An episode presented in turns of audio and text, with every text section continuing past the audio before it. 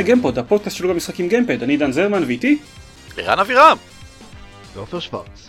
פרק 152, הייתי צריך להגיד את זה. אמרת את מה זה? שלום כולם? אמרתי את זה? עכשיו? אמרתי את זה עכשיו. ברגע זה, כן, כן. נכון. כן, אני עכשיו חשוב לי להדגיש את המספר של הפרק כל עוד אנחנו עדיין הפודקאסט עם הכי הרבה פרקים או משהו כזה כי שורפים משחקים תפסו תחת כי הם הגיעו לפרק 50. אה, אני לא יודע מה לגביך, על על כתפי גמדים מעלה את פרק 170 ממש עוד כמה ימים, אז אה, פודקאסטים הכי הרבה פרקים על משחקים או משהו. אני אני- כן, לא, אני קודם בטוח כל שיש פודקאסטים עם יותר פרקים. כן, בעברית. כן. גם גם זה כנראה. הד- הד- הדו שבועי. אוקיי? בסדר? we're good? סבבה. אה, לא, כל הפודקאסטים שמקליטים פעם בשבוע יעקפו אותנו בסופו של דבר, אבל האיכות, האיכות זה מה שחשוב. נכון. אה, ובגלל שאנחנו כזה פודקאסט איכותי, אז אז ערן, כן, אתה משחק כבר מלא זמן ב Civilization 6. נכון, ב- שכשאתם מקשיבים לפרק הזה עדיין לא יצא. זה בזכות האיכותיות של הפודקאסט הזה, שתדע לך. ש- כן, י- בהחלט. כשיצר קשרים עם... מי- מי מי אחראי על Civilization? עם מי דיברתי שם מאחורי הקלעים? הד ארצי. אז, אז יופי להם, תודה לכם הד ארצי, אה, שנתתם לנו עותק ביקורת של Civilization, אה, ששרפתי עליו לפחות שלושה ימים. שלושה ימים אה, כאילו 72 שעות או אה, לא, 26 שעות מצטבר אני רואה אה. עכשיו. שלושה, סשנים, שלושה משחקים שונים, את השלישי עדיין לא סיימתי ואני כנראה גם לא אסיים, אני אסביר עוד מעט למה. אבל כן, זה נחמד, זה אחלה, זה יופי. זה, זה תמיד כיף לשחק חודש לפני העולם. מה, שזה לא יהיה, אבל סיביליזיישן במיוחד 6, שבדרך כלל אתה משחק כזה כמה שנים אחרי העולם. אני כן, זה הנוהל שלי, כן, כן. זה חשוב לי נורא להסביר שמבחינתי 26 שעות זה לא מספיק כדי לתת ביקורת, חייבים לפחות 80 שעות, זה סיביליזיישן בכל זאת, אתה לא יכול, אתה לא מקבל את, ה, את, ה, את הריח, את ה...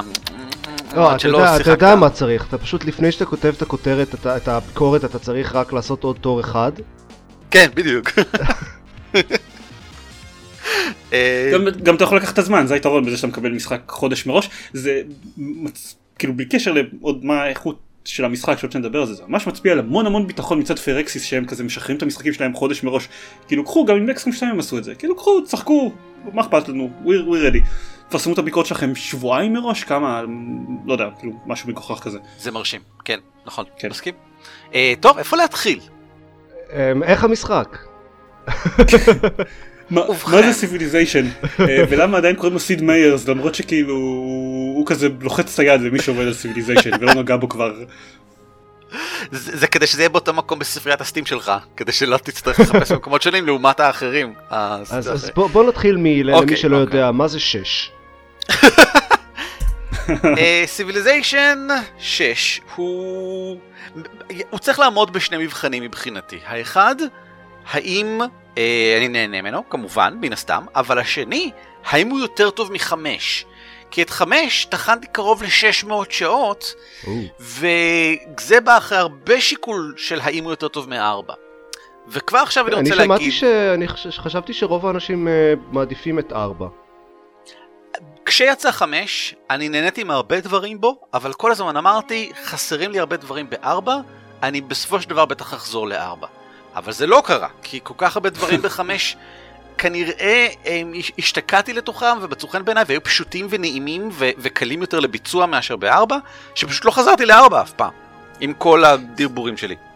זה בדרך כלל מה שקורה בסיביליזיישנים כאילו אני זוכר ששלוש היה בצורה מאוד הוא היה פחות טוב משתיים אבל אבל פשוט לא לא יודע אחרי שהוא, שהוא יצא אף פעם לא חזרתי לשתיים כי אתה מתרגל כי בכל זאת הם אפילו שם שהמשחק יש בו דברים שאתה פחות אוהב הם עדיין מצוינים כן. לא משנה מאיזה כיוון אתה מסתכל וכאילו אז אוקיי כן, אין, אין ספק שהם דברים. משפרים הרבה מאוד דברים בממשק ובגרפיקה מן הסתם, וחוויה. גם אם המשחק עצמו מבחינה, מבחינה מכנית טהורה פחות טוב, או... לא, לא יודע אם פחות טוב, אלא חסרים בו דברים, או לא יודע. אנחנו זה, זה מאוד כזה אה, לא יודע ניצחון בנקודות תמיד הדברים האלה כאילו אז בסדר אז סיביליזיישן 3 היה פחות טוב משתיים זה לא משנה זה אם, הייתי, אם הייתי חי בעידן בעידן החושך שבו כאילו הייתי נותן להם ציונים מ-1 עד 100 אז אחד מהם משחק של 96 והשני של 95 כאילו לא big deal. ו- ובדרך כלל גם בכל מקרה אחרי איזה שני פאצ'ים אתה מרגיש שכבר אוקיי אתה במקום אחר לגמרי כן. כאילו כן לא שני פאצ'ים שני חבילות הרחבה. אני, כן. בוא נגיד שלגבי 6 אני אחכה לפאצ'ים. אמ, הוא אוקיי. בעייתי. אני, אני נהנה אוקיי. לשחק בסיב 6, אבל אני לא כל כך בטוח שאני אעזוב את 5 בשבילו. ש... בוא נתחיל במה שאמרת ממש עכשיו על הגרפיקה והממשק, כי זה כאילו הדברים ש... הם מסוג הדברים שגרמו לי באמת לעבור ל-5 מ-4, ופה הם שניהם קצת טריקים. דבר ראשון, הממשק לא טוב. זה לא שהוא איום ונורא, אבל כמה דברים מאוד בסיסיים חסרים בו. אה, אתם, כשאתם משחקים סיב, ויש לכם שמונה ערים, ואתם רוצים לבחור באחת הערים, אתם יודעים, לראות מהי העיר שיש בה הכי הרבה, אה, לא יודע מה, טכנולוגיה, אז לוחצים על הכפתור שמראה את כל הערים, ואז מסננים לפי טכנולוגיה. כן. אז אין כאן את הכפתור הזה. הם הם הורי- הורידו פיצ'רים כאילו? תפריט הערים שלך לא קיים. עכשיו, אולי הוא כן קיים ואני לא מצאתי אותו, זה לא סממן טוב מבחינת כן. הממשק, שוב פעם. אה, אבל אני לחצתי על כל מה שאפשר וחיפשתי בכל מקום אפשרי, וזה לא כל כך שם. אה, המון כפתורים במקומות לא נוחים, ולמשל יש דברים שלמים שגיליתי שקיימים רק במשחק השני, רק פעם שנייה ששיחקתי אותו בכלל. אולי הם, שזה לא- אה, אולי זה, הם מנסים להיות יותר כמו משחקים של פרדוקס. אה, יכול להיות, יכול להיות. אה, אני מקווה שלא, כי פרדוקס מבלבלים לי את המוח ממש, אני לא מצליח להסתדר איתם בכלל בכלל. לא, הם, הם, אה, פרדוקס הם, הם, הם מפורסמים בממשקים הנוראיים שלהם. אה, כן, כן. אה, אגב, גם אה, סיב 5 היה איום ונורא בממשק, עד שיצאו כמה פאצ'ים ושדרגו אותו והזיזו קצת דברים, והרחבות הזיזו דברים. אז יכול להיות שאני אז- התחלתי לשחק פה רק אה, מאוחר יותר. אני מקווה שהם יעשו אותו דבר גם פה, אבל חכו, חכו, יש לי, יש לי עוד כל מיני הערות. אה, לגבי הגרפיקה, אחד הדברים הגדולים ביותר בסיב 6, ואני ארחיב על זה עוד הרבה, זה הערים, ושינו באופן מאוד מהותי את האופן שבו מנהלים את הערים שלך, כי עכשיו אתה צריך להתפרס על פני המפה עם כל עיר, אתה בונה districts, וזה מעניין, ויש לי מה להגיד על זה. אבל מבחינה גרפית, זה בעיקר עושה בלאגן בעין. אני, במקום לקבל מידע במבט אחד לראות מה יש בעיר הזאת, אני פשוט רואה הרבה בלאגן. והמשחק נראה יפה, אבל הוא לא אינפורמטיבי. בזמן שבמשחק הקודם יכולתי בקלות לראות מה יש מסביב לעיר, כי הם עשו את העיצוב ממש נחמד, הדברים היו ברורים ובולטים. פה יש כזה בלאגן על המסך, שיש דברים, וזהו, אני לא יודע מה הם אה, הדברים, צריך להיכנס, חשבתי לראות. שהסיבה שהם עברו לסגנון יותר אה, כזה אה, קרטוני ופחות ריאליסטי זה כדי שהם יוכלו להבליט את הדברים החשובים, אז, אז אם את זה הם לא עשו אז למה לא להשאיר את הבלוק היפה יותר? אם אתה יודע מה אתה מחפש, אם אתה יודע שבעיר הזאת למשל יש שלושה אה, World Wonders, World Wonder בונים עכשיו על אה, משושה, הם תופסים את כל המשושה, הם מאוד גדולים. אבל זה לא אומר שאתה מזהה מה ה-World Wonder כשאתה חולף על זה עם העין. אתה צריך לעצור רגע, להסתכל, להתמקד, לרדת למטה ולהבין, אה, זה World Wonder, זה לא איזשהו סוג של district בעצם. זה לא שהם כולם כל כך דומים, אבל זה לא שהם כל כך כל כך מופרדים שתוכל לדעת מה קורה שם. אז זה מצער. אבל הבעיה האמיתית מבחינתי במשחק, לא כל כך נעים לי לדבר על הבעיות, אני רוצה לדבר על הדברים הטובים, אבל, אבל זה זה, זה יקר לליבי. אז הבעיה המרכזית מבחינתי במשחק זה שאני מרגיש שביזרו באופן משמעותי את נקודות ההחלטה שלך. אה, וזה כנראה המקום הטוב ביותר לדבר עליו, זה על עץ ה... אה, לא עץ, סליחה, על הממשלה שלך. יש לך עכשיו ממשלה, ויש לה מין כרטיסים כאלה שאתה מחריץ פנימה. יש אה, סלוטים בשביל, אה, אה, איך זה נקרא, פרדיגמות, אה, אידיאלים, לא יודע מה, משהו שכזה, של, שקשורים לצבא, לכלכלה, ליחסי חוץ, ואחד פתוח למה שאתה לא רוצה להכניס בו, גנרי כזה. ולצד עץ הטכנולוגיות יש עץ של סיביקס שאתה לומד. Uh, למי ששיחק בחמש, הוא, הוא, הוא מכיר כבר את הקטע הזה של אתה צובר uh, תרבות ואז אתה פותח סיביק, אתה פותח, uh, לא יודע איך לקרוא לזה, עקרונות uh, תרבותיים לתרבות שלך או משהו. אה, כן, אני זוכר את השטות הזאת. שם זה היה מחולק לעצים, לחמישה עצים, סליחה, לעשרה עצים שונים, שלכל אחד יש חמש נקודות התקדמות. עכשיו הפכו את זה לבתכלס עץ טכנולוגיות שני. אין שום הבדל, יש שני עצי טכנולוגיות עכשיו, לאחד קוראים טכנולוגיות, לשני קוראים סיביקס. והם שניהם מספקים לך דברים. הטכנולוגיות מספק לך בעיקר יחידות ובניינים חדשים, הסיביק מספק לך דברים חדשים להחריץ לתוך הממשלה שלך, ובניינים, אה, משום מה, שזה נורא מבלבל אותי. כי אם אני רוצה משהו, אני צריך לחקור עכשיו שני מסלולים כדי להבין מאיפה אני מקבל אותו. אני, אה, זה, זה פשוט הכפיל את כמות ה, ה, ההתעסקות בעץ הטכנולוגיות, שאגב יותר טוב, אבל על זה נדבר עוד מעט. אז הבעיה שלי, אוקיי, נחזור רגע, נתמקד, נתמקד. הבעיה שלי עם הממשלה היא, שתוך, אני לא יודע מה, אה, בסיביליזיישן 6. שזה שש. אה, אחרי... אה, כמה זה הרבה תורות בסיב? 30? אני כבר לא בטוח, כי אני תמיד משחק על קוויק, אז אני תמיד מעדיף לרוץ קדימה. 100. 100 זה הרבה? אני לא יודע, כמה שאני זוכר, סיב- משחק בסיב זה נניח 400 תורות סדר גודל בנורמל, ו-100 תורות ראשונים לא קורה כלום. ככה זה בדרך כלל עובד. אה, בוא זה- נגיד כן, ככה... זה תלוי מתי במשחק, אבל ב- בהתחלה זה... לא, תורות ראשונים. כן. אז בוא נגיד מדיבל אייג' כי הם, הם עשו, אה, סליחה, ארה, הם עשו ארז גם במשחק 5, וגם ב-5 וגם ב-6 יש ארז, שהם די משמעותיים. אה, אז בוא נגיד המדיבל ארה, יש לך כבר משהו כמו, לא יודע מה, עשרה חריצים כאלה להכניס פנימה לתוך הממשלה שלך, ואף אחד מהם לא מאוד מאוד משמעותי. כולם Mm. נותנים דברים קטנים. אה, אין אגב דרך מאוד נוחה למיין אותם, להסתכל עליהם, להבדיל ביניהם, אחרי שאתה כבר ב... ב לא יודע מה, אינדסטריאל אייג', את, אתה, יש לך כבר 20, ואתה, ועוד יותר קשה להבדיל ביניהם. מה הם עושים, צריך לעבור עליהם אחד אחד ולקרוא אותם. זה סתם מעיק, זה בעיית ממשק. זה נשמע כמו כאילו הם ניסו להכניס RPG elements? לא יודע, זה, זה, הקטע הוא שהכלום, זה לא כלום, אבל המעט שאתה מקבל מהממשלה מצטרף למעט שאתה מקבל מכך ששמת את ה district במקום מסוים ולא במקום אחר, והמעט שאתה מקבל מכך שאתה הולך לעיר, שאתה שולח uh, trade לעיר אחת ולא לעיר אחרת, כי זאת נותנת לך פלוס אחד uh, טכנולוגיה, והשנייה נותנת לך פלוס שתיים טכנולוגיה, אבל הראשונה גם נותנת לך פלוס אחד אוכל, הכל מגיע בקטנה בקטנה בקטנה מכל מיני מקומות. או במילים אחרות, צריך לשבת מלא זמן מול המשחק הזה כדי להגיע למשהו משמעותי וגדול. אם אתה רוצה לפתח טכנולוגיות, להיות טוב בטכנולוגיות, אתה צריך להתעסק בשישה מקומות שונים כדי להיות טוב בטכנולוגיות, נגיד, whatever, מה שאתה לא רוצה לעשות. כי אין מקום אחד שבו אתה אומר, אני רוצה פשוט להשקיע יותר כסף בטכנולוגיות. לא, אתה צריך עכשיו, לא יודע מה, אלף דברים. שזה מציק לי. זה מציק לי. אני, אני לא רוצה להגיד משהו נגד סיב, כי אולי יש שחקנים שימותו על זה. יש אנשים בעולם שאוהבים שחקנים של משחקים של פרדוקס, אז כנראה שיש אנשים שאוהבים דברים מאוד מסובכים. אבל אני רוצה לשחק סיב בזמן שאני רואה משהו ברקע. וזה ממש קשה עם סיב 6.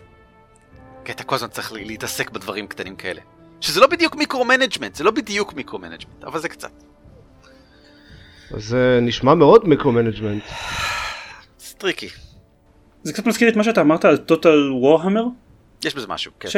שדיברנו וכאילו וזה מוזר כי, כי אוקיי טוטל וור אני יכול להבין למה שעשו את זה אבל, אבל זה קצת נגד נגד המנטרה של פרקסיס של כאילו לעשות החלטות משמעותיות יותר גדולות כזה. אה, זה כאילו כל ה... לא יודע כל השיטת עיצוב שלהם אקסקום 2 כאילו כן, הפסדתי במשחק כן. כאילו זה, זה, זה, זה נראה זה פשוט נשמע מוזר בשבילהם כי גם בסיביליזיישנים האחרונים זה, זה המדיניות שלהם הייתה מאוד מאוד בכיוון הזה של כאילו החלטות משמעותיות יותר. תראו, לפחות בגרסה שאני שיחקתי, שהיא אגב, אגב, מכונה בסטים שלי עדיין פריוויו, וייתכן שהיא לא הגרסה הסופית.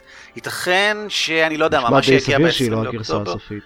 אז, אז, לא יודע, כי קיבלתי אותה לביקורת, אז, אז, אבל יש כאילו, ש- יש עדיין, גם, גם אם זה היה אפילו בטא, יש גבול לכמות השינויים שהם יכולים לעשות. וזה נשמע. כמו משהו בסיסי בדיזיין של המשחק. ללא ספק, ללא ספק. אה, זה לא מסוג הדברים שאני מצפה שהם יתקנו לסוף. יש... אה, אתם יודעים מה? בוא נעבור בקצרה, כי עשיתי רשימה של הדברים שאני כן מצפה שהם יתקנו, כי הם, הם ממש מוזרים. כאילו, דבר ראשון, ה-AI מטומטם ממש. הוא לא טיפ... הוא מטומטם ממש. הוא... הוא פשוט חסר כל יכולת. הוא מגוחך, ה-AI. אה, אי אפשר שלא לנצח, אני ניצחתי בטעות בשתי הפעמים הראשונות ששיחקתי. ניצחון תרבותי, כי פשוט שיחקתי, אז פשוט. זהו, לא, לא ניסיתי לעשות שום דבר משמעותי. אמ, היה פשוט היה בל גמור. אמ, אמ, אני לא יודע אם יתקנו את זה, זה קצת כאילו staple של משחקי Civilization. כאילו, אני בסדר, לא. שבדרך כלל הם נותנים לך כזה כאילו לא יודע בדרך כלל הם מטומטם פשוט נותנים לו יתרונות ממש ממש גדולים כדי לפצות על כמה שהוא מטומטם ברמות קושי גבוהות יותר. זה, זה כאילו לא הקטע? אני חשבתי שזה הקטע. אני, אני רגיל לכך שה-AI אה, איטי נגיד.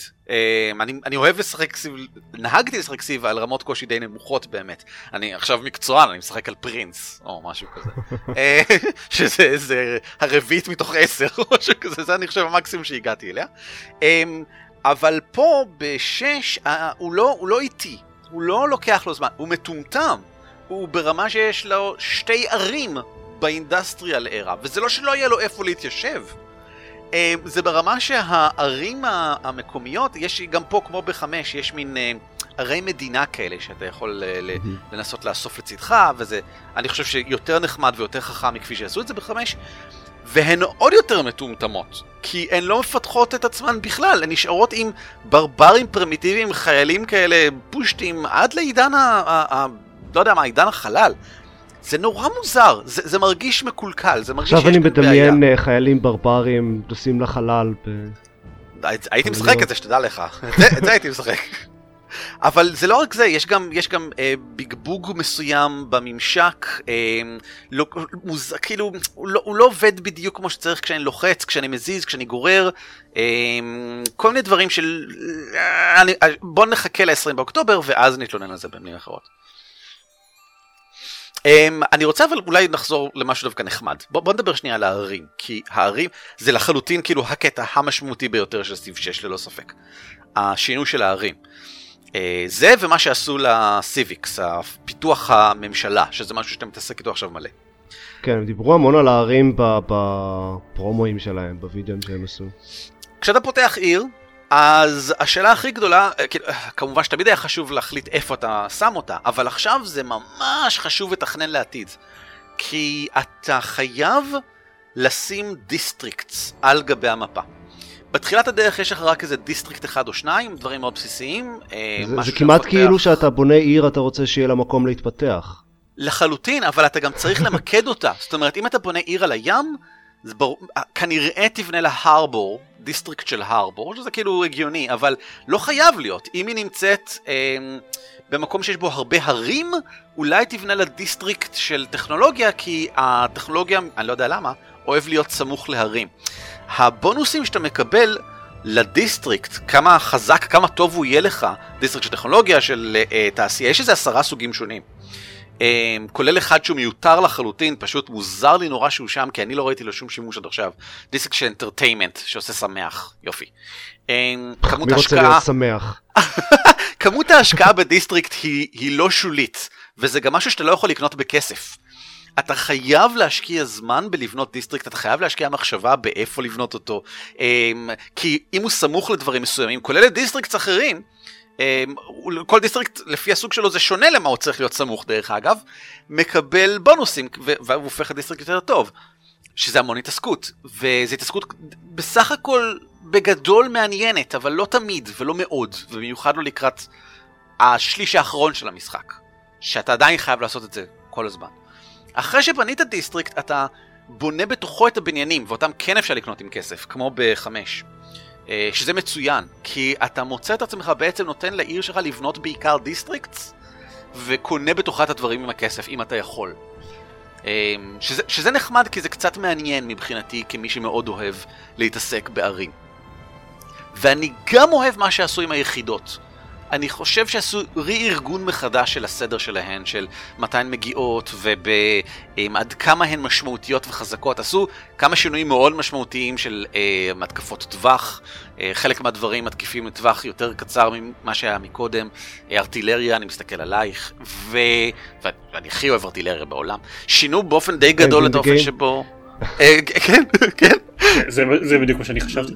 אמ, שינו באופן משמעותי את האופן שבו עושים מטוסים, שזה ממש סבבה, אה, ספינות, כולן יכולות לצאת לים על הגדול עכשיו אחרי שהם מפתחים את הטכנולוגיה המתאימה. כל מיני דברים נחמדים. הם החזירו את ה stacking, נכון? הם החזירו אותו באופן מעניין, כי בגדול, כמו, כמו בחמש, אתה כל אה, משושה יכול להתאפס רק על ידי יחידה אחת. אבל כשאתה מפתח מספיק הבנה ב...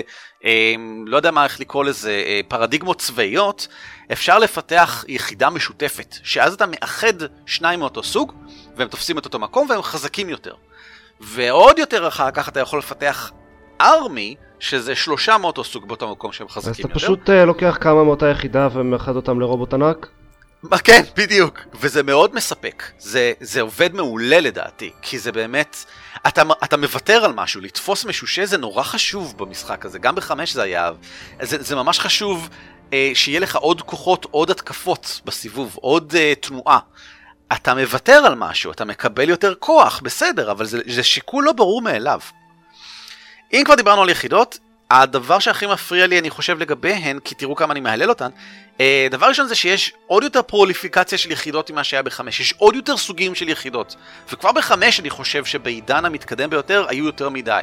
אבל אולי אני אומר את זה כי אני כזה שחקן זבלה של סיב, שאף פעם לא שיחק כמו שצריך במולטיפלייר בעידן המתקדם, ואני מבין שדווקא אז זה טוב שיש את כל היחידות האלה, ואנטי טנק, ואנטי מטוסים, ואימא שלו, ו... מוזר לי אנשים. שמשחקים multiplayer ב Civ. אני יודע שממש ממש שיפרו אותו ככל שהמשחקים מתקדמים, ואני יכול לראות ערך בזה, אבל קשה לי להאמין שעדיין לא 98% מהמשחקי Civilization בעולם הם single player. אני, יכול, אני, אני מאוד אופתע. אני ממש סקרן לדעת מה הנתונים אצל אה, Firaxis, כן. כן. Um, הבעיה שלי זה שמערכת השדרוג, ה upgrade של היחידות, משעממת. בחמש היא הייתה מעניינת. היו לך בחירות מעניינות. יכולת לתת יחידות, לפתח אותן, להגיד, אה, הבחור הזה הוא מומחה ג'ונגלים. אוי, הוא הכי ג'ונגל בעולם. הבחור הזה יודע להתקיף מהים, וגם חסין לירי של אה, אה, ערים, כך שאני יכול להתנפל מתוך הים ישירות לתוך איזו עיר, וזה יהיה מעולה. אבל פה מערכת השדרוג היא כלום בריבוע של ערך סתמי בונוס חסר משמעות ומשעמם. אה, פלוס ארבע נגד פרשים. טוב. אז, אז, וזה, אז זה בדיוק אותו הקטע של לעשות את זה כמו, כמו וורהמר, טוטל וורהמר. כן. כאילו של שדרוגים קטנים במקום דברים מסיביים. אוקיי. זה, זה נורא חבל לי. אמ, כי, כי אני בדרך כלל לא מאוד נהנה מהצד המלחמתי בסיב. אני מעדיף לעשות... אני אוהב לבנות, אז אני אוהב את, את הניצחונות שאינם uh, קרביים. איפשהו בשנה האחרונה התחלתי לשחק סיב 5 עם ניצחונות קרביים יותר, והתחלתי ליהנות מזה יותר, ואני מאוד נהנה מזה לא בסיב 6. שיחקתי, אף פעם לא שיחקתי סיב עם, עם כזה, בכוונה לניצחון קרבי. זה, זה, אני לא יודע למה. אה, אתה יודע מה? אני כן יודע למה. כי זה נעשה טרחני נורא לקראת הסוף. זה, זה תמיד היה מפריע לי.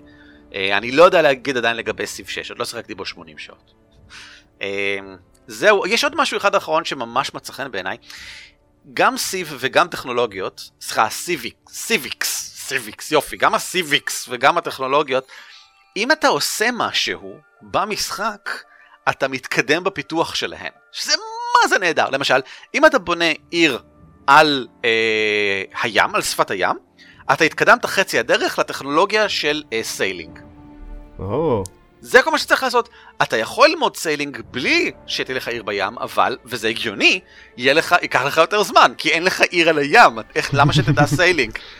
וזה זה מגניב. זה ממש סבבה, וזה עובד בהרבה מקומות, אבל זה נורא מבלבל בהרבה מקומות אחרים. יש איזו טכנולוגיה כמו, לא יודע מה, banking, יש איזו טכנולוגיה כאילו, משהו כלשהו כלכלי, שאתה צריך להרוג יחידה כלשהי עם musketmen כדי להתקדם בה. מה? מה? זה, זה, מה? כידוע, ככה, ככה התחיל הבנקינג במציאות. זה, זה כן, קצת כן. כאילו, זה, זה לא הרי ידוע תמיד- ששודדי בנק הומצאו לפני הבנקים. בדיוק. זה לא תמיד ברור, אה, זה תמיד רשום, זה תמיד רשום, אתה יכול לכוון לזה. אבל כשיש משהו כמו, אני חושב, 100 סיביקס וטכנולוגיות, אתה לא תזכור את הכל. אז חבל שזה קצת יותר אינטואיטיבי, או קצת יותר בולט, או קצת יותר ברור, ו... סטרימליינד? סטרימליינד זו המילה שאתה מחפש? אולי streamlined, אבל streamlined אני רוצה להגיד על כל המשחק, אז לא רק על זה. אני מרגיש שבהרבה מקומות המשחק הזה לא streamlined. המערכת הממשלתית ממש... זה מוזר כי? דווקא ב XCOM הם עשו עבודה ממש טובה של לקחת מערכות מסובכות כאלה ולעשות להם streamlining. אני גם מרגיש שבחמש הם עשו עבודה טובה מארבע, ויותר מזה, בהרחבות של חמש הם עשו עבודה טובה מחמש. אז מה זה הצעד הזה אחורה? אני לא יודע. טוב, יש לי הערה אחת אחרונה שהיא מעצבנת אישית לגמרי, ובטוח לא תפריע לאף אחד חוץ ממני. הדת הפכה להיות מאוד חשובה במשחק הזה. אה, בחמש הייתה הרחבה שאפשרה לך להוסיף דת, כאן דת זה מההתחלה, ואחד מארבעת סוגי הניצחון זה ניצחון דתי. Hmm. ששני שליש מהעולם מאמין בדת שלך. והם שינו קצת את המערכת של הדת. עכשיו למשל, יש יחידות דתיות שיכולות להילחם ביחידות דתיות אחרות, וזה מחוץ למלחמה. זאת אומרת, אתה לא צריך להיות בתוך מלחמה עם מישהו, וזה לא מעורר מלחמה אם אתה מרביץ מכות ליחידות הדתיות שלו עם היחידות הדתיות שלך. משום מה זה בסדר. אה, והן מקבלות שיפורים מיוחדים משלהן, ויש להם כאילו, בתכלס, זה קצת עולם אחר, העולם הדתי. וזה קצת משגע אותי, שזה הופך להיות משהו שהוא, לא יודע אם לגמרי קריטי, כי אני ניצחתי בשני המשחקים הראשונים, תוך כדי שאני מתעלם מדת לגמרי, אבל... אבל יכול להיות שזה רק כי ה-AI גרוע. זהו, בדיוק. אני חושב שמאוד סביר שזה בגלל ש-AI גרוע, ולא בגלל שדת זה לא חשוב. דת זה חשוב, וזה מעצבן אותי. אה, שנתנו לו כזה מקום של חשיבות, אה, אבל בסדר, נו. כי, כי זו גם... מצד שני, לדת היה הרבה מאוד חשיבות בהיסטוריה האמיתית נכון. של העולם. נכון, נכון, יש בזה נכון. משהו הגיוני. מבחינתי אבל משהו, ה- ה- לא רק מעצבן אותי כאתאיסט חובב אה, ספקנות, אבל גם כשחקן שלא אוהב שתי מערכות נפרדות. זאת אומרת, אם אני באמת צריך להתעסק עם הדת כל הזמן, זה עוד משאב שצריך להסתכל עליו ולקנות אותו בנפרד ממטבעות, כמו פעם שעברה, אם אתה רוצה לקנות יחידות דת, אתה קונה אותן בתפריט נפרד מתפריט הלקנות יחידות רגילות, והן נלחמות אחת נגד השנייה ולא נגד יחידות רגילות. זה עוד שכבה שעושה אותו דבר כמו שעשה השכבה הקודמת בתכלס. זה מעיק. אה. זהו. אמ, אוקיי, אז אז בקיצור, דת זה מעיק. דת. אמ, חוץ מזה, אני אמ, אמרתי הרבה דברים נגד, אבל חשוב להסביר שאני מעוניין לשוב עכשיו בתוך המשחק ולהתחיל משחק חדש ולשחק שוב פעם. אוקיי, אז סיימנו את הפודקאסט? אמ, הוא, הוא, הוא בסך הכל סבבה, ואני בוודאי מעוניין לנסות אותו עוד, וגם אחרי הפאץ' הבא. עוד יותר. אני אה, אני בטח אקנה אותו מתישהו בעתיד, אחרי כמות כלשהי של פאצ'ים ו/או הרחבות. כן. אה, גם ראוי להגיד אני לא יודע אם זה אמור להיות שיקול בעד נגד כאילו בהתאם לפי החסרונות שאתה אמרת אבל יש לו תמיכה בסטים וורקשופ. עכשיו כן. אקסקום 2 הרבה מה, מהחסרונות שאמרת לגבי ממשק פחות לגבי הגיימפלי אבל הרבה מהחסרונות ש- שאמרת לגבי ממשק אז היו אה, באקסקום 2 אבל כל מה שפירקסיס לא תיקנו אז את רוב הדברים האלה המודים כאילו beat it out of him אחרי, אחרי קצת זמן. גם בסיב 5 לדעתי עשו פחות או יותר את אותו דבר.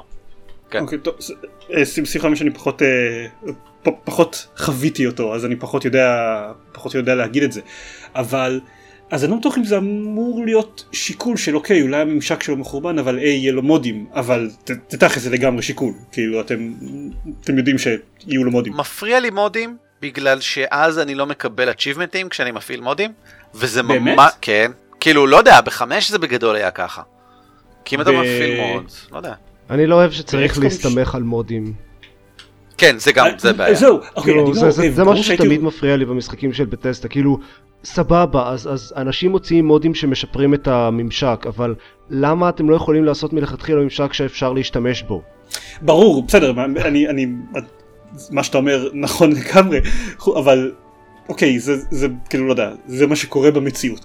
כאילו, כן, הייתי שמח אם לא היה צריך להסתמך על זה, אבל אם כבר, כאילו, אם, אם כבר מה לעשות, פירקסיס הם אה, עושים ממשקים מחורבנים, אז, ופירקסיס אז טוב, אז טוב אז זה שאפשר, שזה זה, כן. כן, כן. זה, זה, זה נחמד שה- שהדברים האלה מבטלים אחד את השני. זה בהחלט עדיף על ממשק גרוע ובלי מודים. כן, נכון, בדיוק. נכון, נכון, נכון. אה, אני, נורמן סקאי אני מסתכל עליך. אני רוצה אה, להגיד, זה לא מצחיק שמודים, אבל כן. אני רוצה להגיד דבר אחד אחרון אה, לטובת אה, סיב, שזה המערכת הדיפלומטיה. אני ראיתי בביקורות שכבר הספיקו להוציא אה, מאז שלשום, מהיום שבו אנחנו מקליטים את זה, שאז ירד האמברגו, אה, אנשים נוהגים להתלונן על כך שדיפלומטיה כבר לא... ובכן, הורידו אותה, כבר אין, אין ניצחון דיפלומטיה, הוא הוחלף בניצחון דתי. אה, והדיפלומטיה היא כבר לא מרגישה כמו דרך לניצחון גם כן, כי אתה לא יכול למשל לגרום למישהו ללכת להתקיף מישהו אחר ולשחק, להיות עול מקיאוולי לייק מאחורי הקלעים, כמו שבגדול יכולת בחמש ובארבע ועוד איך שיכולת. אה, היא, היא לגמרי הפכה להיות ממשק של איך אני מדבר עם מישהו, ובגדול מחליפים סחורות. אה, בעיניי זה לא איום ונורא, כי אני אף פעם לא טרחתי להתעסק בצד הזה, אבל מאוד לחיוב אני רוצה לציין את מערכת ה... תירוצים לקרבות החדשה שהכניסו. כי היה... זאת נשמעת כמו מכניקה טובה ב Civilization. לגמרי, לגמרי. היה, יש את הקטע שנקרא warmongering. אם אתה מחרחר מלחמה, שאר החבר'ה מתחילים להירתע ממך, אלא אם כן הם מאוד אוהבים מחרחרי מלחמות. יש גם מנהיגים שאוהבים את זה. וכל פעם שאתה נכנס למלחמה, יש לך... warmongering penalty שמשפיעה עליך דיפלומטית בכל היחסים עם אנשים אחרים. וזה משהו שקשה נורא להימנע ממנו בסעיף 5, אבל בסעיף 6, אם חקרת את הטכנולוגיות שמאפשרות את זה, אתה יכול למשל לצאת למלחמת אה, קולוניות. שזה הכרזת מלחמה על מישהו שהוא שני עידנים טכנולוגיים מאחוריך, הוא מאוד פרימיטיבי, ואז אתה מקבל רק 25% warmongering. לעומת אם סתם היית מכריז עליו מלחמה, למשל. Let's educate these savages כזה? זה לגמרי, ויש גם אה, לשחרר אה, ערים שנכבשו, ערי מדינה שנכבשו על ידי מישהו אחר, אתה יכול להכריז על זה, וזה בכלל 0% וורם, כאילו זה דברים ממש נחמדים, אה, שאתה לגמרי קסוס ביילי, הכניסו, זה אגב בתפריט, קסוס ביילי, זה נחמד וזה היה חסר לי ואני שמח שזה שם. זה נשמע מגניב. מגניב? כן, כן, זה אחלה באחלה. אה, זהו, אני חושב, מה עוד? אה, אני לא יודע, אני רוצה לשחק, אפשר לשחק. אני מניח שיהיה עוד כשהמשחק אשכרה יצא, ואנחנו, עוד אנשים ישחקו בו. כן, כן, כן, כן. אוקיי, טוב, אני שומע את כל מה שאתה אומר, אבל לי אמ, חסר סיביליזיישן בחיים. אה, מאז, הרי כן, כל הזמן מדבר על זה שעל חמש די דילגתי ואף פעם לא נכנסתי אליו, וכאילו לא... קרה, קרה ככה, מה לעשות. Uh, ניסיתי להיכנס אליו בכמה הזדמנות ואיכשהו לא יצא, הזמנים לא התאימו, whatever, זה המשחק היחיד בסדרה שלא באמת חרשתי עליו uh, כמות אינסופית של שעות. וכאילו שש בשבילי זה אתה יודע זה, זה נקודת כניסה חדשה לסדרה הזאת כאילו אוקיי עכשיו אני אשחק בשש כשהוא יצא כדי לשחק את זה ביחד עם כולם. אז ו... אני חושב שאתה תהנה לדעתי אתה תהנה בהחלט כן. אז מעולה. אמ, ואתה יודע, וביחד עם כולם אני, כשתצא חוויית החווה הראשונה אני אתרגש איזה יופי עכשיו המשחק שווה משהו, ואז תצא חוויית החווה השנייה ואני אתרגש עכשיו המשחק שווה משהו, איך שיחקתי, כאילו זה זה זה זה זה זה יהיה לי נחמד, אז בשבילי סיביליזיישן שמייצג את הנקודת הכניסה שלי בחזרה לסדרה אז אני מתרגש כלפיו. אה, רציתי להגיד כשאתה אה, דיברת על ניצחון דיפלומטי ואז שכחתי מזה אה, שעכשיו בסטלאריס עושים רעש מזה שהולכים להוסיף סוף סוף ניצחון דיפלומטי mm. באחד בעדכון הקרוב וזה חסר כי התנאי ניצחון הבנתי שסטלאריס על כל מעלותיו שהתנאי ניצחון שלו הם קטסטרופה. וואלה. ואין ניצחון מדעי יש רק או לכבוש את כולם או להתיישב בהרבה פלנטות זה היה כאילו ה victory conditions שלו אה, אז הבנתי שהם מאוד מתלהבים מה, מהקטע הזה אבל אתה לא תדע את זה כי אתה לא יכול לסבול משחקים של פרדוקס אז אף פעם לא. אני ממש רוצה לשחק את סטלאריס אה, אני, מוכ... אני בטוח אקנה אותו מתישהו ואנסה. אני חייב לנסות אותו לפחות. אוקיי.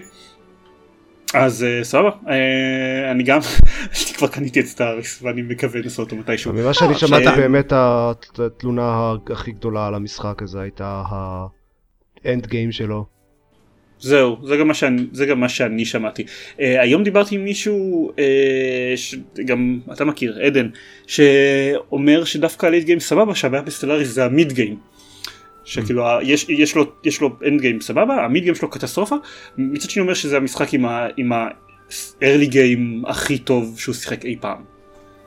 אז uh, לא יודע, זה הכל מתאזן, אתה פשוט יכול להתחיל הרבה משחקים בסטלאריס ולא לסיים אותם אף פעם. אמ, טוב, אנחנו רוצים להגיד עוד משהו על סיביליזיישן 6? לי אין. אוקיי, לא אז לנו. לנו בטח לא יהיה. טוב, אני קצת אה, אדבר על, על דברים ששיחקתי ואז אני אחזור לדבר על, על שאר הדברים ששחק בהם. אה, כן? בקטנה, בקטנה, יש לי ממש 2-3 אה, דברים להגיד, זה הכל. הבנתי, אז אני רוצה להגיד טיפה על, על מה ששיחקתי. Um, כמו שאתם יודעים, או שלא, יצא השבוע, לפני שבועיים, ממש לאחרונה, יצא סטיב ג'קסון סורסרי 4. אה וואי, אני עוד צריך לשחק בזה.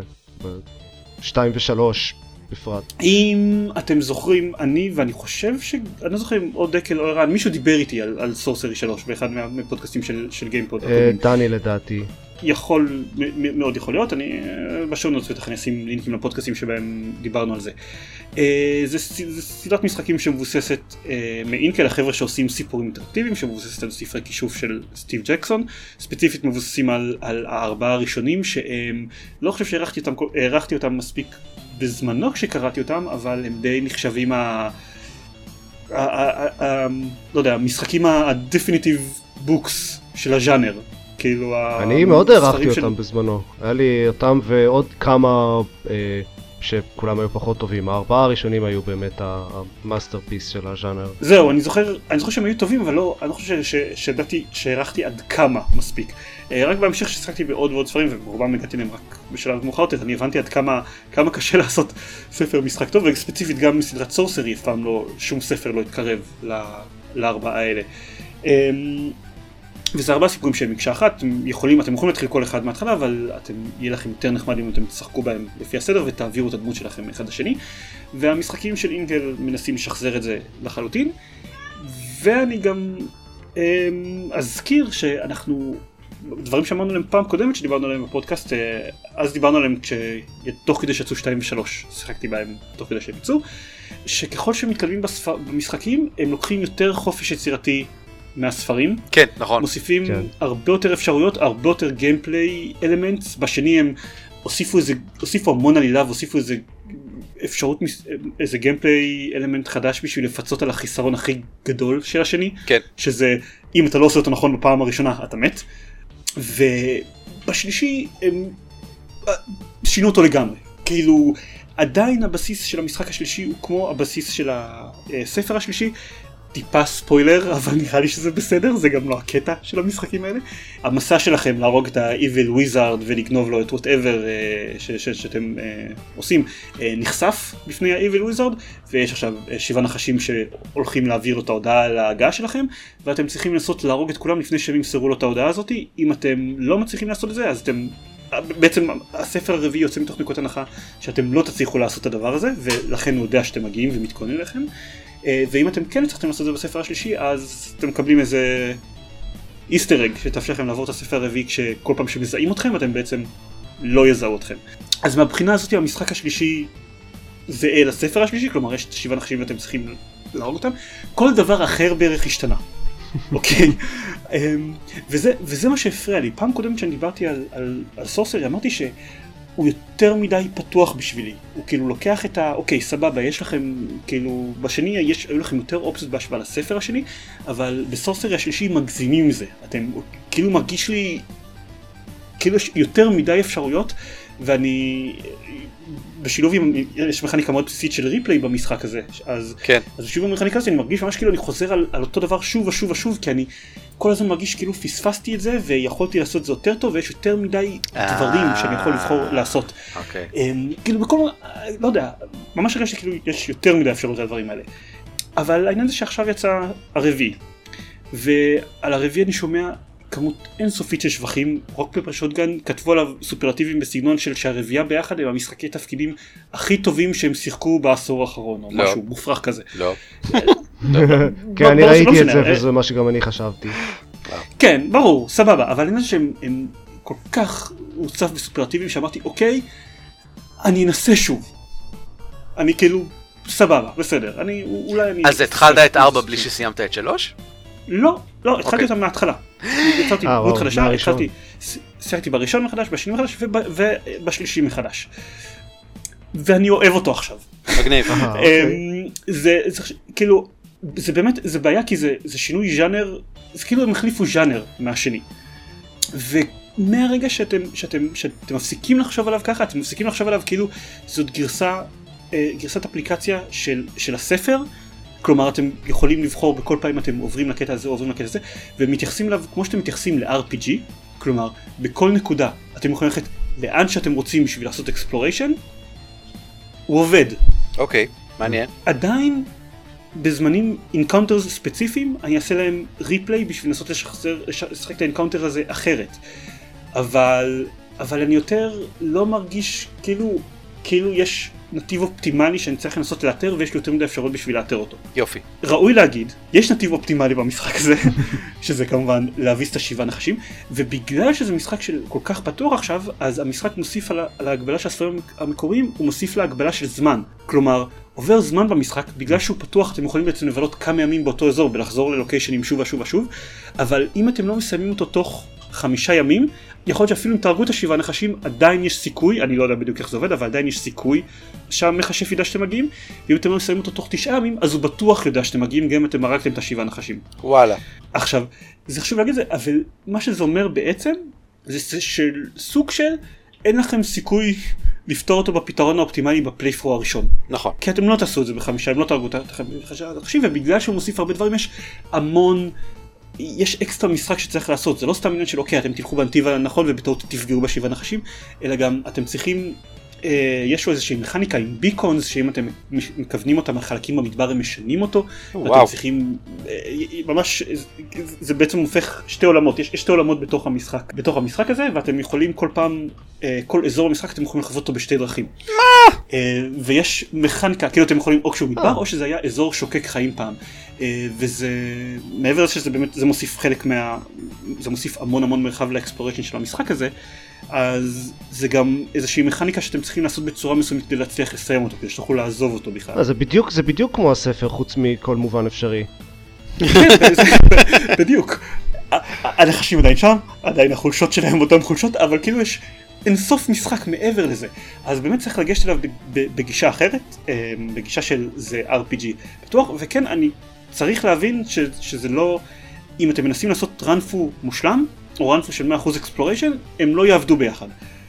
אתם צריכים קודם כל לעשות אם אתם רוצים, אם זה מעניין אתכם לעשות דבר כזה, אתם יכולים לעשות, לעשות run, run על ההתחלה שאתם מסיימים את המשחק כמה שיותר מהר, כנראה שתכלס תצטרכו לחזור ולשחק את הכל מההתחלה אם אתם רוצים לעשות רן מושלם עליו. Mm. ושוב, אני בסדר עם זה. אה, כי גם על הספר השלישי היה מאוד מאוד קשה לעשות רן מושלם, והרבה יותר קשה לעשות בו ריפליים.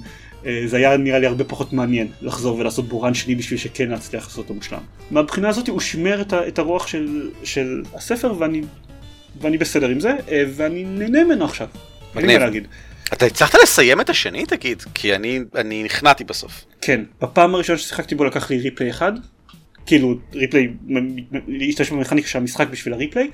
אה, ב run, אה, עכשיו בסבב הזה לקח לי שני replays וואלה. של המשחק. אז אה, לי, לקח, לי לקח שלושה ולא הצלחתי עדיין. אז ויתרתי. וואלה. כן.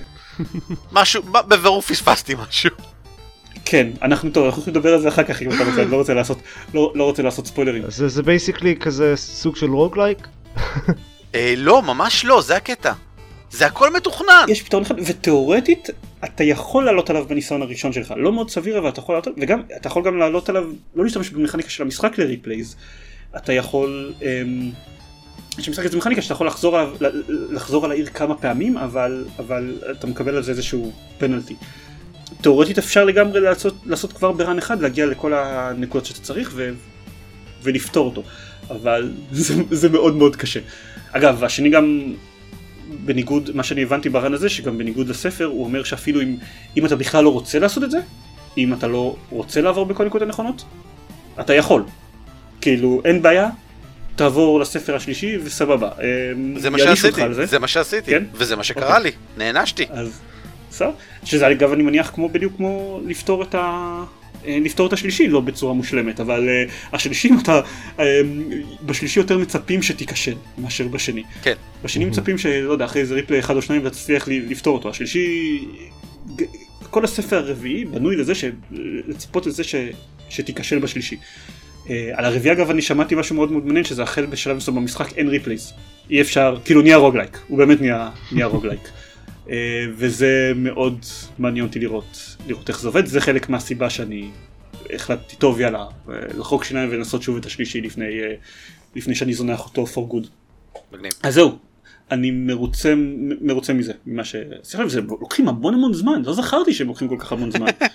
זה לא משחקים לשירותים, אתה לא... לא. פשוט זה המון המון ישיבות, לא, זה, זה, כאילו, זה באמת, זה החליף, בדרך כלל אני קורא ספרים מהטלפון, זה ממש החליף את הזמן שאני קורא ספרים מהטלפון, עכשיו מה שאני עושה זה לשחק סורסרי על הטלפון. שמע, זה קצת כמו לקרוא ספר, לא? קצת. כן, זה- זה מחובר לי בראש, כי אני עדיין חושב על סורסרי הספרים. כן. כן. אז- אז זהו, אני, אני, אני מרוצה ממנו וכבר אמרתי את זה איזה ארבע פעמים אז אני לא אגיד את זה, לא אגיד את זה שוב, אה, הוא אחלה.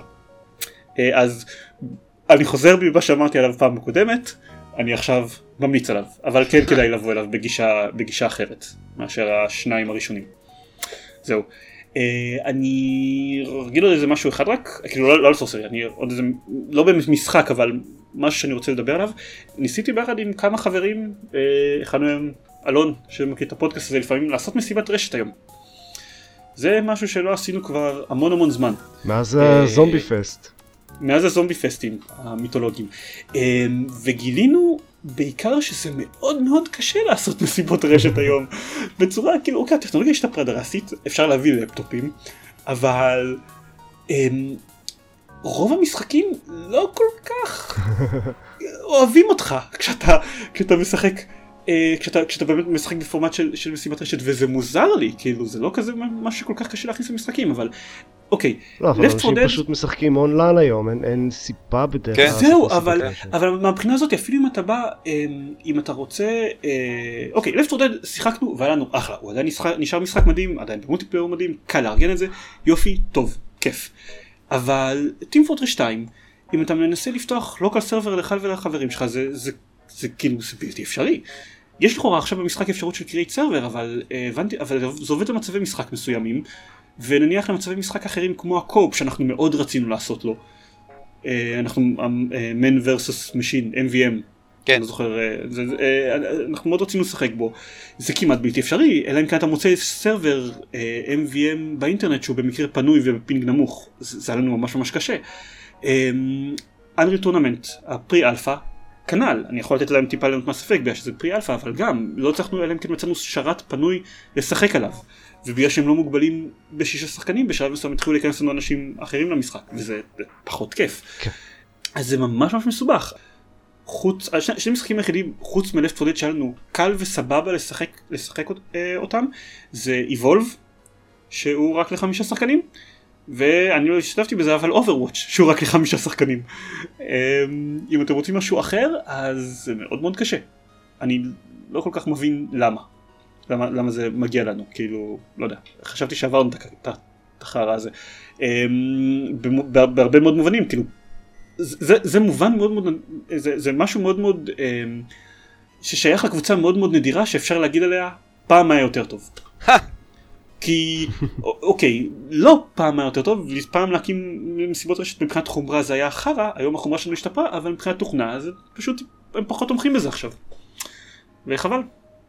מצחיק. אה, בכלל אגב אין בכלל מה לדבר אם אתם חייבים חיבור לאינטרנט אפילו במשחקים שתומכים בזה טוב כמו Evolve Left of Dead אתם מן הסתם חייבים לשחק כשאתם מחוברים לאינטרנט ואתם לכאורה מתחברים אחד לשני דרך האינטרנט זה דבילי אבל אוקיי אני כבר אני יכול לקבל את זה. כי היום קל להתחבר לאינטרנט אבל מכל היבט אחר זה, זה היה קצת עינוי. זה מה שיש לי על, על ארגון אה, ארגון מסיבות רשת ב-2016. מסיבות רשת ב-2016. כן, הרבה, אלמנטים עדיין לא, לא, לא השתנו, עדיין לוקח, מהרגע שאנחנו מקים, נכנסים עם הציוד ועד שאנחנו מתחילים לשחק, עדיין עוברות איזה שעתיים, כי מארגנים דברים ופותרים בעיות טכניות, פשוט האופי של הבעיות טכניות הזה השתנה וזה מעצבן. בסדר גמור. כן, ערן, כן, בוא רציתי להגיד עוד איזה, או לדבר על עוד כמה משחקים? בקטנה, בקטנה, בקטנה. דבר ראשון, אני, אה, כל ה Deus Ex Go הזה שכולכם מדברים עליו כל הזמן, גרם לי להוריד את Deus Ex Go ושיחקתי Deus Go. ראוי לציין שלא שיחקתי עדיין את Deus Ex, גם לא את Invisible War, כאילו לא שיחקתי אף, אף Deus Ex. אה, וואו, אוקיי. כן, כן, כאילו, ככה. אז, אה, אז חששתי קצת מספוילרים ב Go? אז תגידו לי, יש לא. ספוילרים ב Go? לא? אוקיי, יופי. כי, בקושי יש עלילה ב Go. גם אין ב Mankind Divided שום דבר ששווה לספיילר. כי הוא ממש נחמד, אני מאוד נהנה ממנו, הוא אחלה. כן, הוא אגב הוא לא דאוס אקס. הוא לא דאוס אקס, כן, כן, הוא פשוט משחק פאזלים. זה אחלה, מהמם. יופי. אני בסדר גמור איתו. אמ, ואני חזרתי, יצאה הרחבה חדשה ל Ascension, משחק הקלפים שיש לו גרסת אמ, טאבלט ומחשב ומה שאתם לא רוצים, אמ, ואני מאוד תמיד אוהב אותו וקונה כל הרחבה שיוצאת, לדעתי כבר שמונה ש... לא יודע כבר כמה שנים יש לו הרחבות, מלא. יצאה הרחבה חדשה, אז אני טוחן עכשיו Ascension. אני אף פעם לא משחק אותו אונליין, רק מול המחשב תמיד, כי אני שונא אנשים. אבל אם אתם אוהבים משחקי קלפים מאוד טובים, נסו את Ascension. יש גם ב Steam, אז תנסו אותו גם ב Steam. ו... Ascension זה הזה שהוא כמו Dominion? deck building? אה, כן? כן, בדיוק, זה איזה draft deck builder. אוקיי. שהוא אחלה. וה-AI שלו תמיד סבבה גם כן לדעתי, אז, אה, אז לכן אני מרוצה מה-AI, אז אני בסדר. ודבר אחרון, קיבלתי את הקוד ל-Rogue Wizards, קיקסטארטר שהשקעתי בו לדעתי ב-2014 או משהו כזה. או 2013, אחד מהקיקסטארטרים שהבטיח, ואז לקח לו שנתיים יותר מכפי שאמר שייקח לו. אז כמו כל קיקסטארטר, כן בדיוק. כן.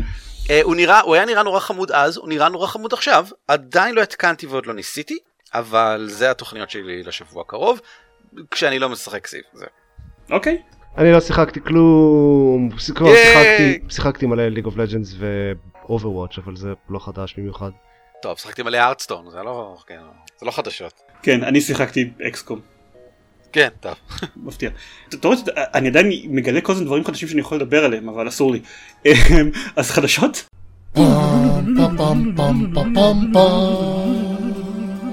עופר, אתה רוצה לדבר על הסאגה של משחקים גרועים נגד ג'ים סטרלינג?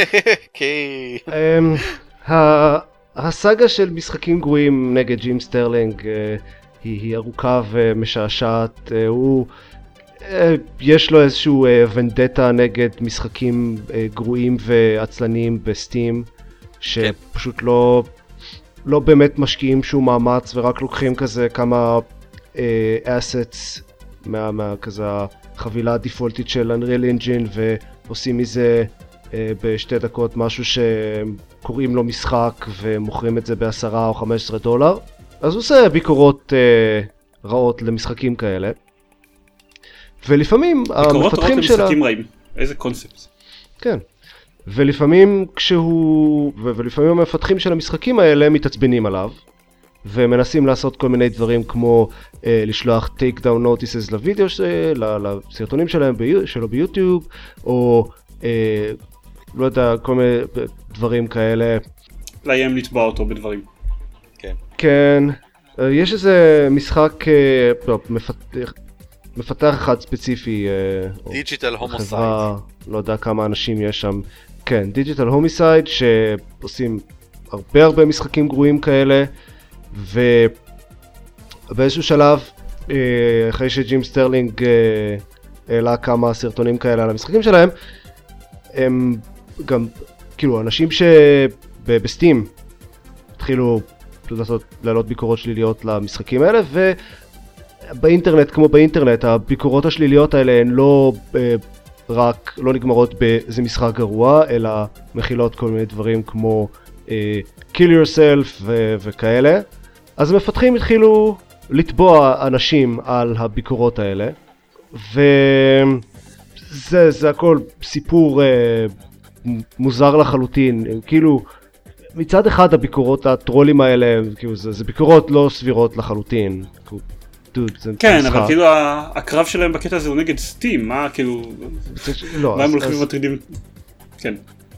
אז, אז מצד, אז, אז uh, המפתחים טוענים שזה uh, לא בסדר שאנשים משאירים uh, ביקורות כאלה, יש הרבה אנשים שטוענים שזה כאילו ניסיון לצנזר ביקורות שליליות, יש uh, בינתיים סטים הורידו את כל המשחקים שלהם, או ואלב הורידה את כל המשחקים שלהם מסטים. כן, כי הם הולכים ותובעים להם את היוזרים. זה, כן. נשמע, זה נשמע לגיטימי, אני כן, חייב להגיד. כן. כן, זה מוזר מאוד כל הסיפור הזה. תשמע, אתם, אתם שמעתם אה, בסבב הקודם של ג'ים סטרלינג נגד אה, Digital Homicide, הוא עשה ראיון של שעה עם המנכ"ל של Digital Homicide. אה, את זה לא ראיתי. אה, אני לא יודע לכם היה וידאו, אבל זה בטוח היה אודיו. אני הקשבתי להכל, וזה היה... זה, כן, כן. זה היה כן. לא יודע, בינתיים הם אוקיי. מרוויחים המון כסף לג'ים סטרלינג, כי אני צופה בכל אחד מהסרטונים שהוא מעלה על ההתפתחות של הסדרה הזאת, והוא מקבל מזה כסף, אז יופי.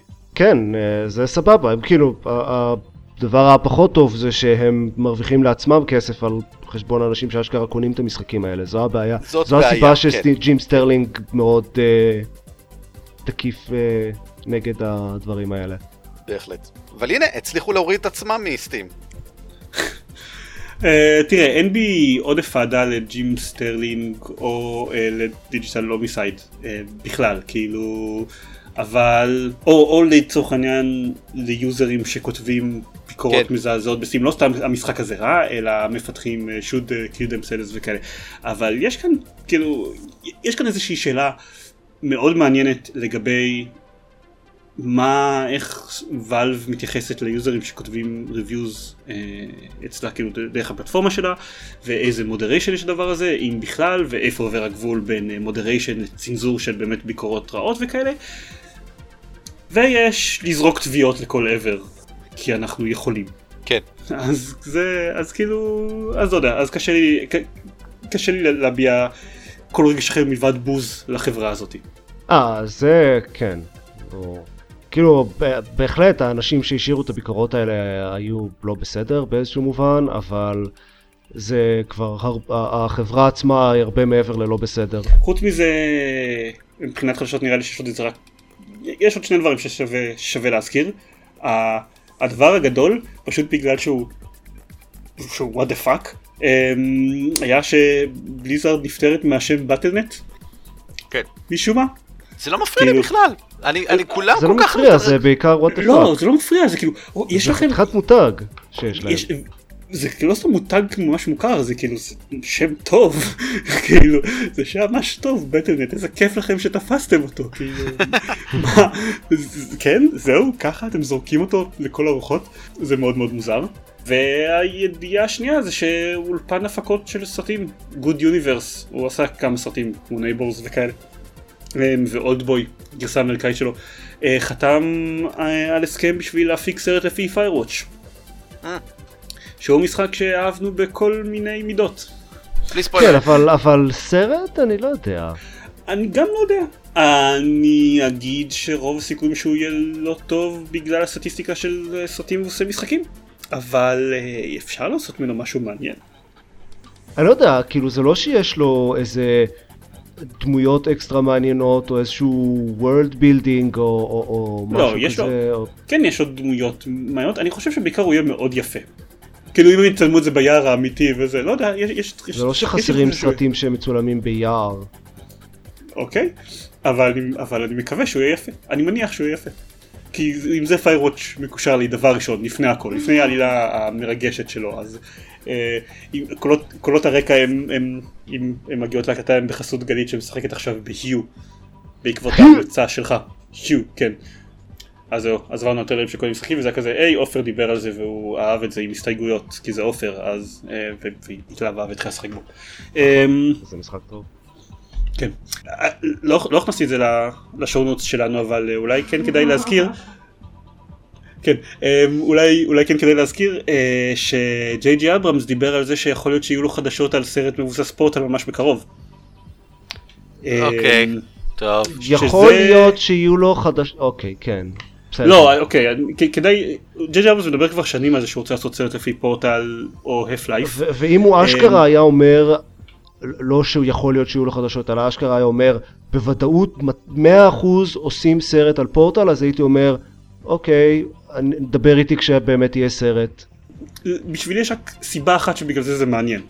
Um, הבמאי של הסרט הקצר המצולם לפי Portal, uh, No Escape, uh, דן טכטנברג, עובד אצלו עכשיו. והוא, והוא הכין את 10 Cloverfield Lane בחברת הפקות של ג'יי ג'יי אברהמס. אז בשבילי, כאילו, ברגע שג'יי ג'יי אברהמס אומר את זה, אז מתחיל להתגבש בראש סוג של צוות מושלם שיעבוד על סרט כזה. ואני פשוט מקווה שזה באמת יתגבש או כזה. אני לא יודע מה, מה, מה הסיכויים שזה באמת יקרה, כמו שאמרת כרגע, זה הצהרות מאוד לא מחייבות. אבל בראש שלי זה כבר, אה, זה, זה כבר גובש עם הצוות המושלם, זהו. בהצלחה. כן, תודה. כן. אני, אני בטוח שאם uh, תדבר עם ג'יי ג'יי הוא, הוא יקשיב להמלצות שלך. אני לא חושב שזה קשור כאילו להמלצות שלי, זה נראה כל כך מתבקש. הוא מעסיק במאי שהתפרסם בזכות זה שהוא עשה סרט לפי פורטל. אמ, סרט קצר, אבל הוא הוכיח שגם יש לו יכולות לעבוד על, על סרטים ארוכים בצורה טובה. אמ, אז, אז נראה לי ממש מתבקש. אני חושב שמשהו לא בסדר עם היקום אם זה לא יקרה ככה. אוקיי. יופי.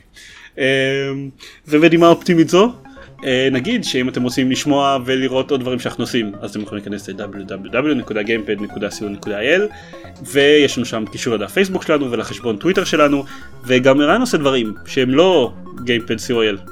נכון, אני עושה את up4players.com שהוא ווב קומיקס על משחקי תפקידים ומשחקי מחשב ומשחקי קלפים ומשחקי לוח אבל בעיקר הראשון והאחרון ואני גם עושה פודקאסט שנקרא על כתפי גמדים, שהוא כן על משחק התפקידים, זה, זה מה שהוא עוסק בו, הוא עוסק במשחק התפקידים. כן. זהו. ובגלל זה אנחנו לא, אנחנו לא יכולים להזכיר אותו פה בפודקאסט. אף פעם. כן, צריך להפסיק את זה. אמ, כן, זה לא שחצי מהפרקים שלנו לאחרונה גולשים למשחקי קופסה בכל מקרה. אז אה, תודה שהקשבתם לנו, ולהתראות לכולם. ביי.